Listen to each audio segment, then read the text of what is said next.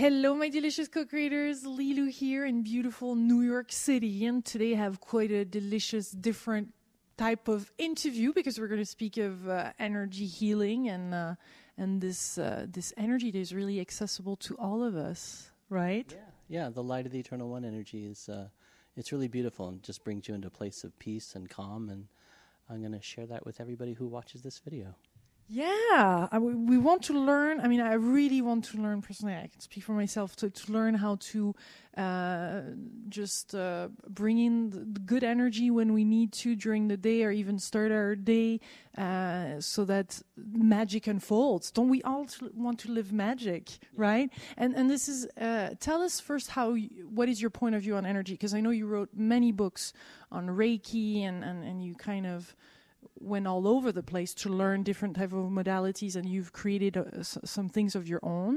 Y- your latest book and, and, you're writing another one but your latest one is energy healing for everyone and we're everyone. Yeah, yeah. so i'm liking this yeah i mean i have this idea of something i call the divine rainbow mm-hmm. in that there's these many different bands of energy healing light that are becoming available to humanity at this time and each one has its own particular flavor energetically, its own particular purpose. So I love Reiki. I love the other energy healing modalities I've studied, but um, you know now, right now, I'm more focused on this energy I call Light of the Eternal One, which is very simple, very easy to learn, and just brings about this sense of inner peace and calm that uh, can really have a pr- profound effect for those who use it on a continuous basis.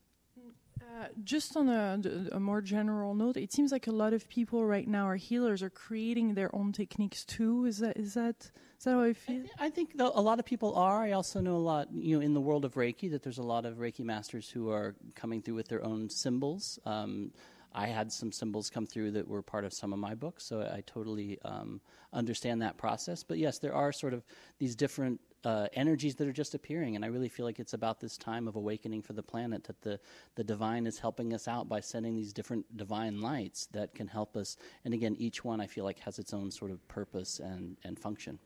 Yeah, so it's like a big rainbow of, of energies. And how, how, how do you how do you receive such uh, such information? What how how does it happen? So for me, it's it's really been more. I mean, I've studied a lot. Certainly, I've studied Reiki traditionally. I've also studied a modality called vortex healing and some other modalities. But for me, it's been more spontaneous. It's just really uh, my consciousness being opened at certain times where I would have these downloads of information. Sometimes I would see these. Uh, uh, complex mathematical equations and just have this vast sense of eternity in them. It's not that I understood them intellectually, but during that time in my life, I was being very opened up to these different styles and different uh, aspects of what I call the divine rainbow. Uh. And again, Light of the Eternal One is just a very simple, easy one to use. Were you meditating or in nature? Well, I mean, it really happened over the course of a year. So part of it was after a 12 day uh, energy healing training in Mallorca, Spain. Uh, which nice spot. That was that was beautiful. So that's when one band of light came through that I call Magical Awakening, and then uh, I was also traveling in Asia for a period of time, and and had some downloads that came to me then that were more about some of uh, my more recent Reiki books. Uh, something I call the Reiki crystal came through at that point. And then while I was at Omega Institute that same year, I had a download for this energy that I call Light of the Eternal One. So you're often at Omega, yeah. Yeah, I, I, I, work there as well as teach there, so I'm there quite often. Yeah. Yeah, that's a good reference, huh? Yeah, yeah, it's a beautiful place. Yeah. Uh, so tell us uh, because it's very interesting for us to learn about your own process, you know, and how you receive that, but also how we can apply this. In our own life daily. Um, so I'm very intrigued by the process as well. So, you, so you're, you're, you're telling us a little bit. Is there something else that we need to know about the process of receiving downloads and information? Because I feel a lot of us can access this these yeah. days, yeah. and it seems randomly to happen. Sometimes we kind of put ourselves in position of reception, but nothing comes through. What is your feeling of it? Where we're at, and how easy is it to access to all of us? Yeah, I think certainly it, it, I kind of feel like it's if you're ripe, if you're energetically ripe, or or whatever the you know for whatever the divine picks you at that point in time to to open uh, this energy to come through, then that can happen again for different individuals, and that that sort of I think is is more a, a sense of grace and sort of almost like outside of our control. Um, but certainly in terms of just receiving a download from another teacher or from somebody as I'm about to offer shortly, you know, for that, really, a person just needs to be open and ready to receive. Know that um, with the empowerment I'm going to offer, for some people, it might make them uh, kind of go into a nonverbal space or a very quiet space for a period of time. Um, so you know, I wouldn't probably do this while operating heavy heavy machinery or or driving a car, but uh, you know, it can take a very uh, blissful and just very internal uh, frame of, of mind when one goes into that space. How important is it these days to to open ourselves up to these energies? For me, I think it's extremely important. I feel that for me on my own healing journey, um, it has taken me to places where traditional therapy and that kind of healing work just couldn't quite access. Um, you know, and so for me, it's been just a, a profound way to heal what was a very disturbing childhood.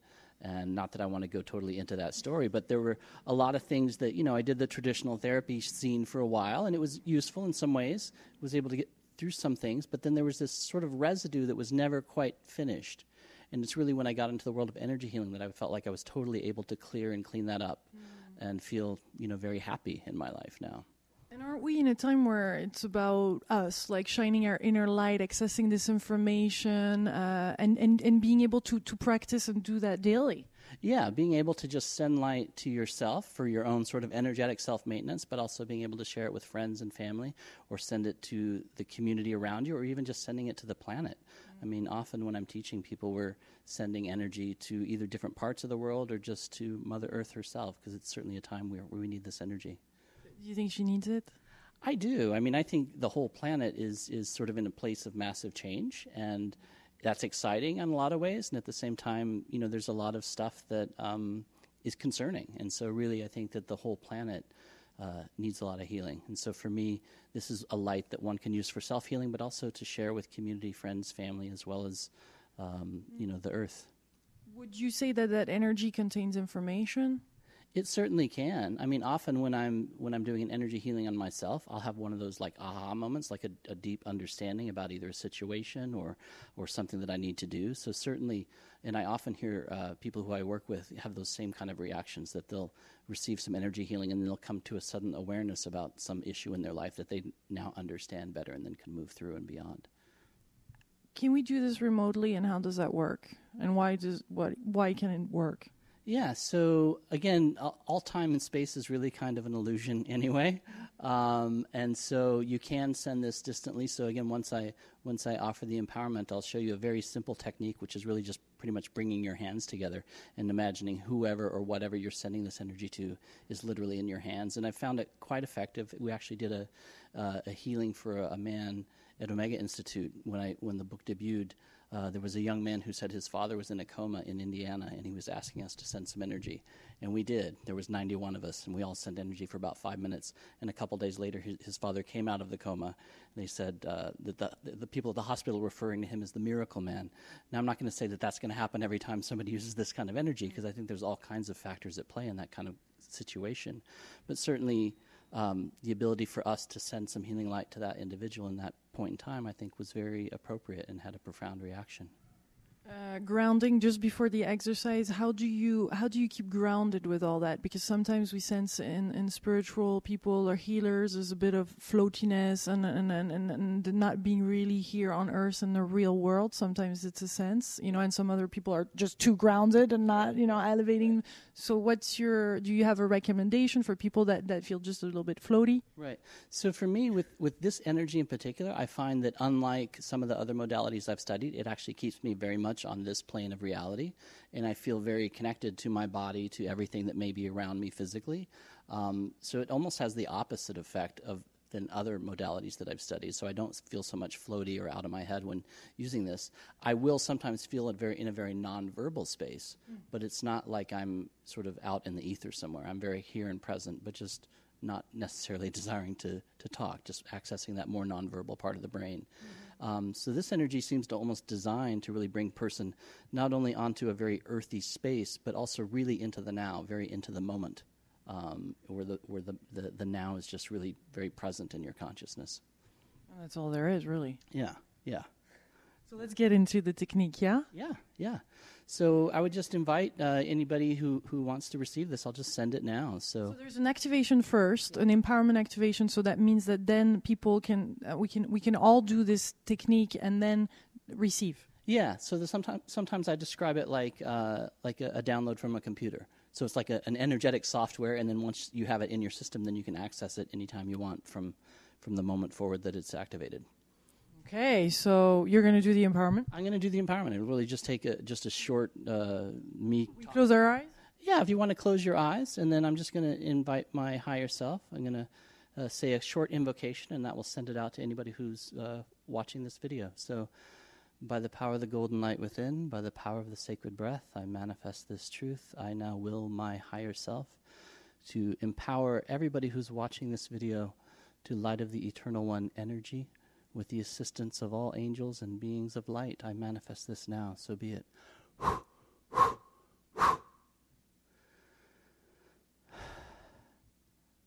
So that um, that energy goes out from my higher self out to anybody who's watching this, and usually takes what feels like a, a split second to kind of download into everybody's energy system.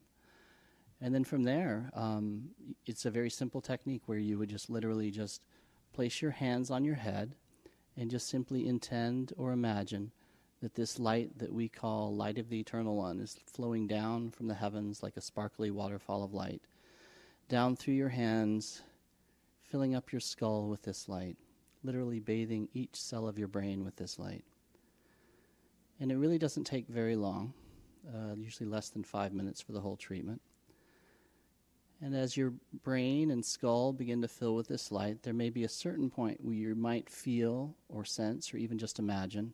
For me, I tend to feel it as a sense of pressure in my hands, but a sense that, that the skull is full. And once you begin to sense that, you just simply shift your intention and intend that the light begin flowing down the spine, because it's working primarily on the brain and nervous system. And then again, you hold that for just another minute or two. And again, there'll be a certain point where you sense or feel or even just imagine that your spine is completely filled with this light. And then once the brain and spine are full, um, then you just let your hands come back down and allow yourself to be in the effect of the energy, which for me, again, um, often takes me into sort of a nonverbal space, which can sometimes make it challenging to speak when I'm teaching this, but um, mm-hmm. just a p- place of deep, deep inner peace and deep calm. Um, and so the recommendation that I have is for anyone who has this empowerment to really just do it once a day for a period of time. You know, 40 days is what I recommend in the book, but just think of it like taking a vitamin. You take a vitamin once, you may or may not notice the effect, but if you take it every day and then notice over time how, how is it impacting your life. Um, so for me, this work really allows you to access a space of deep inner peace. And um, in allowing that peace to come forth, it sort of starts to emanate throughout your life. Um, one thing I want to mention too that I mentioned in the book is that uh, my sense is that this light actually goes back to the ancient Essenes, um, who were a mystical sect of Judaism, sort of before and after the time of Christ. And um, there's a very interesting story around that where, um, you know, I had a, I had a healer who I was working with, and this information came through. And it was once that information came through, which was actually several years after the book was written, that the book finally moved forward and became published. So, um, so again, it just brings through this really peaceful, uh, nice place of stillness in, in the mind. Uh, if one was to send the energy, it's a very simple, similar technique. You just simply bring your hands together like this, mm-hmm. and just imagine that whoever or whatever it is that you're sending the energy to is in your hands. Mm. So, like a little miniature doll of the person, if it's a person. You can also use this technique to send energy into your day, just imagining that you're holding your day. Or if you want to have, like, say, there's a situation at work that you need some, some assistance with, you just imagine you're holding that situation. Mm. So, again, it's just extremely, extremely simple mm. Um, and very user friendly. So, that's, that's why we called it energy healing for everyone. Yeah, accessible and, and practical, and th- that's where that's. I think that's where we're at. Yeah. Yeah, yeah. Yeah. So, is there something else that we need to know? I mean, I know that you speak also of self assessments. Right? Yeah, I think it's important always to be kind of journaling when you're when you're doing this kind of work. Um, I th- you, you mentioned earlier about how you know some people when they're doing a lot of energy work can get a little ungrounded, and even though I find this work tends to be very grounding, I still think to even ground it more by writing about your own reflections, your own feelings, the things that it may uh, elicit in you as you do this. Um, and then you can go back and kind of see that thread of consciousness and, and the shifts that have occurred mm. through time. So I always recommend that people get a, a journal and just write, you know, uh, even if it's just a few sentences uh, each day after they do the, the self treatment. And again, the self treatment takes five minutes or less, so just spend another minute or two writing about the place that it brings you into your consciousness. And then you just start to notice it more, and it really starts to ground that aspect of your consciousness into mm. your daily life. It's interesting how with Reiki there's all those symbols and all those modules in here. It's really simple. I think we're simplifying a lot right now. Yeah, yeah, yeah. Sometimes I think of it, you know, like uh, uh, in the world of computers. You know, like many years ago, I used to have an IBM ThinkPad, and nothing wrong with that. But it was in 1995, and it was co- complex and hard for me to learn. And now I've, you know, got sort of a more updated Apple version that's just really easy and simple. And uh, so I think of it in that way. What is your background? What, what, were you doing when you were using the little ThinkPad? oh, I was uh, traveling in, in Bali actually and doing some writing. It was a it was a, a computer that I bought from a, a healer, and uh, was it just was easy for me to travel with. So. Yeah, so you've always been doing this. It's not like there was a huge career radical change in your life. Well, there was a change in the early 1990s. Is when I got into energy healing uh, after I had a very challenging experience at the NYU Dental Center where a student was very rough with my mouth. And I was in a lot of pain, and I had to have, happen to have the good luck of having a roommate who happened to be a Reiki practitioner. Mm-hmm. I didn't really know what Reiki was at that point, but when he saw me come home, he immediately offered me a Reiki treatment. And from that moment forward, I was I wanted to know more because it felt like it opened something in me that felt like connected to the divine, connected to the sense of of grace that just allowed me to move through the suffering. It's not the suffering went away 100%, but it allowed me to move through it in a way that felt very compassionate in this sense of knowing I was going to be okay. Mm. So yeah, it was then in the early 1990s that I just kind of dove headfirst in. yeah. I think a lot of people are diving right now. I love it. Uh, the the crystal, the, the, the crystal here. Tell us about more of that about that because I think a lot of co-creators watching this video want to hear more. I want to hear more. Okay, yeah. So there's a, a different technique from my previous book, uh, which is called New Reiki Software for Divine Living, and uh, in that book it explores something that I call the Reiki crystal um, which is an energetic crystal that one can receive through the book.